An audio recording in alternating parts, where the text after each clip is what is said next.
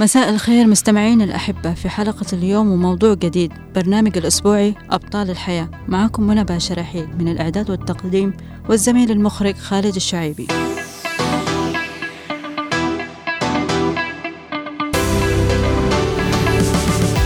سنة 1991 انعرض فيلم سينمائي مصري اسمه الصرخة وكان بطل الفيلم نور الشريف اللي أدى الدور شخصية عمر أصم وأبكم انتقل عمر من الريف إلى المدينة بعد وفاة والده.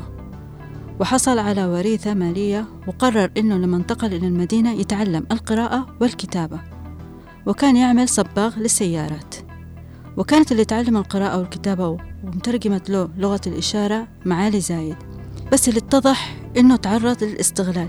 كيف؟ من قبل المترجمة كانت تحضر رسالة ماجستير فكانت تستغله بأمور كثيرة. ونفس الوقت تزوج على إنسانة ناطقة كانت طمعانة بالمادة والوريثة حقه. لدرجة لفقت له التهمة بالتحرش. كانت من قبل المترجمة والزوجة وصاحبة الزوجة. انحبس في دائرة النيابة والتحقيق وكانت في هناك بجلسة المحكمة كانت في حوار وأسئلة واستجوابات. فكانت في إدلاء بالشهادة تغيير كلام المترجمة بالكلام أو ترجمة بالكلام حقه. بعدها فترة أو كانت في طبعا مجموعة من الصم البكم مثلوا معه بالدور بعد التحقيق حكم عليه بالبراءة بس في نهاية الفيلم أخذ حقه وهو مجموعة من أصحابه. المهم أتعرض الفيلم للنقد إن تشوهت الفكرة عن الصم وإنه صار في حساسية وعداوة بين العالم المجتمع وعالم الصم أو ذوي الهمم بشكل عام. بس المؤلف كرم نجار قال إنه أخذ هذه القصة من الواقع موجود في القاهرة. إنه لفت انتباهه يتكلم عن هؤلاء العاجزين عن الكلام. فعلا إنه الأخير المشكلة في المجتمع مش مشكلة فيهم. ما عطوهمش فرصة لهم يمارسوا حياتهم الطبيعية. يعني نقل صورة وتكلم عن الواقع إنه إنسان بسيط وحابب يعيش زي بقية الناس يتعلم ويشتغل ويتزوج وله حق يختار شريكة الحياة. وبدأ الفيلم انعرضت بعده عدة أفلام عن ذوي الهمم منه فيلم كيت لمحمود عبد العزيز ونبيلة عبيد مثلت بإعاقة ذهنية إن تعرضت بحالة الاغتصاب. فهنا دور السينما أعطت إيش المشكلة عن ذوي الهمم ودافعت عن حقهم ونفس الوقت وعت المجتمع عنهم. فهنا رسالة وتكلموا عن القضايا ذوي الهمم. فإذا الموضوع حلقتنا اليوم دور الإعلام في خدمة المعاقين.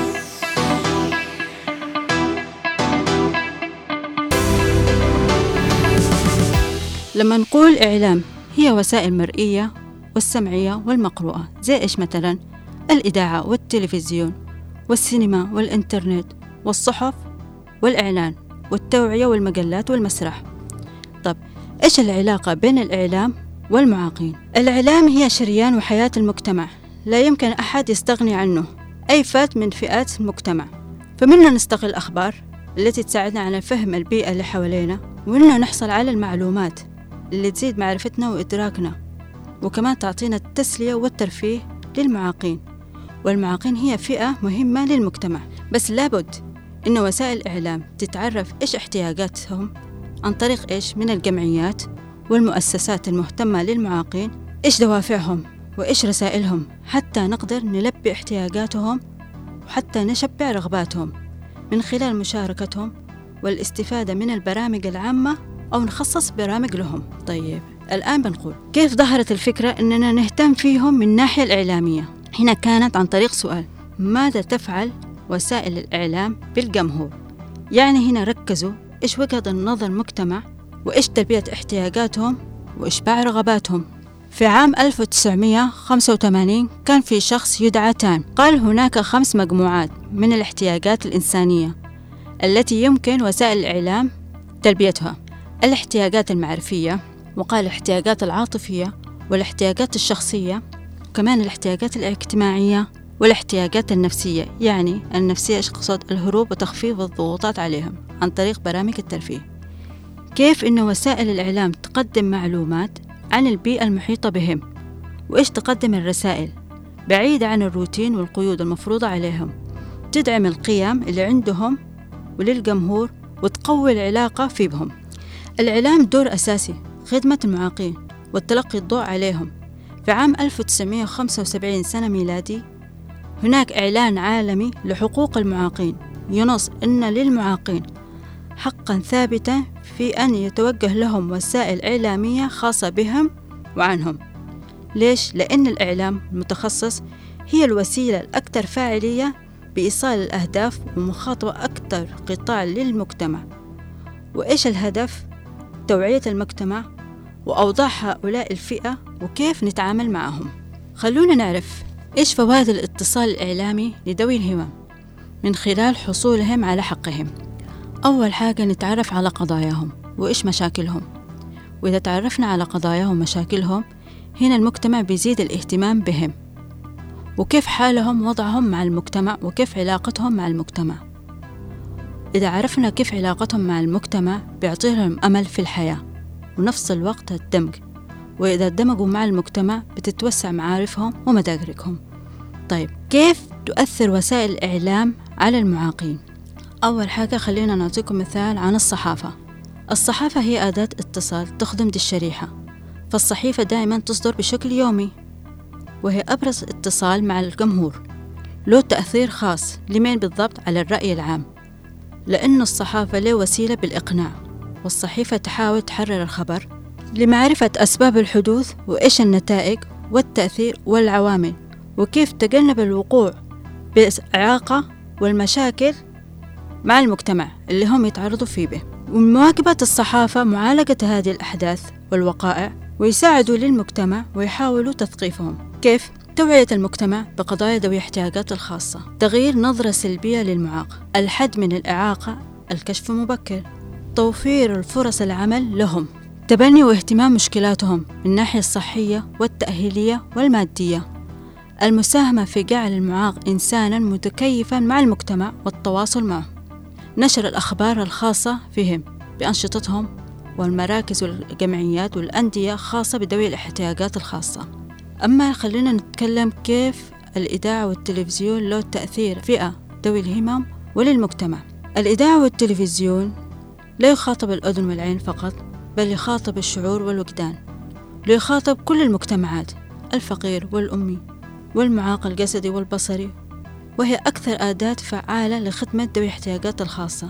بالدمج والتحقيق كثير من الخدمات التثقيفية والتعليمية وربطهم مع المجتمع. الخارجي أيضا عن طريق البرامج السياسية الأخبار ممكن البرامج التأهيلية تشجيعهم التوعية حملات إعلامية عن اليوم العالمي مثلا للإعاقة. سبل الوقاية نشرات الأخبار بلغة التواصل الإشارة مسارح سينما تعريف الشخصيات الناجحة منهم وقصص كفاحهم. تشجيعهم على النوادي وفي كمان نشرة الأخبار الرياضية خاصة فيهم. تعريف إعلان ومراكز الطبية لهم برامج الحوارية والمقابلة معهم أفلام إرشادية أفلام توجيهية وتعليمية لذوي الهمم. مثال يعني الآن حصل بالأردن خدم المعاقين وثقفوا المجتمع أفلام كرتون خاص في بهم بلغة الإشارة. طب إيش الأهداف الإعلام فيما يخص من ذوي الاحتياجات الخاصة؟ من ضمن الأهداف هذه تنمية الوعي وأهمية الكشف المبكر والتدخل المبكر في الحد من الإعاقة إبراز دور المعاق في المجتمع الذي يعيش فيه كإنسان فاعل وعامل. تغطية الأحداث والأنشطة المختلفة يقوم بها المعاق من أجل التوعية. تركيز الإعلام على قدرة المعاق على الإبداع والتعبير والعمل. نشر البحوثات والدراسة الخاصة فيهم والتسليط الضوء على من يعاني على هذه الفئة. التوعية بأهمية الدمج الأشخاص ذوي الإعاقات في الحياة الطبيعية للمجتمع تأهيليا تعليميا وبالعمل. طبعا هذه الخدمة تقدم لهم تكون مناسبة ومنسجمة على النوع حقهم الإعاقة يعني لهم حق في التعبير والمعرفة. مثلا الراديو تساعد كثير المكفوفين مثلا معاقين حركيا والتلفزيون تخدم الأصم والمحركي والأصحاب الإعاقة الذهنية. الإنترنت تخدمهم بشكل عام. يتمكنهم إيش؟ بالسماع والاطلاع على الأخبار والصحف والبرامج التثقيفية ولهم حق بالمشاركة بالسياسة والاطلاع إيش يدور بالعالم. طيب هنا خلونا نقول إيش يتطلب من الإعلاميين والإعلام علشان يقدروا يوصلوا للهدف ويخدموا لهذه الفئة؟ أول حاجة حصول على زيادة معلومات كافية من مختلف الموضوعات عن ذوي الاحتياجات الخاصة. يتأكد فين المصدر ويجمع الأفكار والمعلومات. من فين أجت هذه الثقافة؟ وفين المصدر؟ وكيف أجت هذه المهارة؟ علشان توصل قيمة المحتوى وكيف ينعرض الموضوع وكيف يوصل الرسالة ويؤثر على المجتمع. استغلال وأخذ آراء عن موضوعات جديدة عنهم. الإعلام تؤثر على أفكار الناس حتى لو معلومات بسيطة.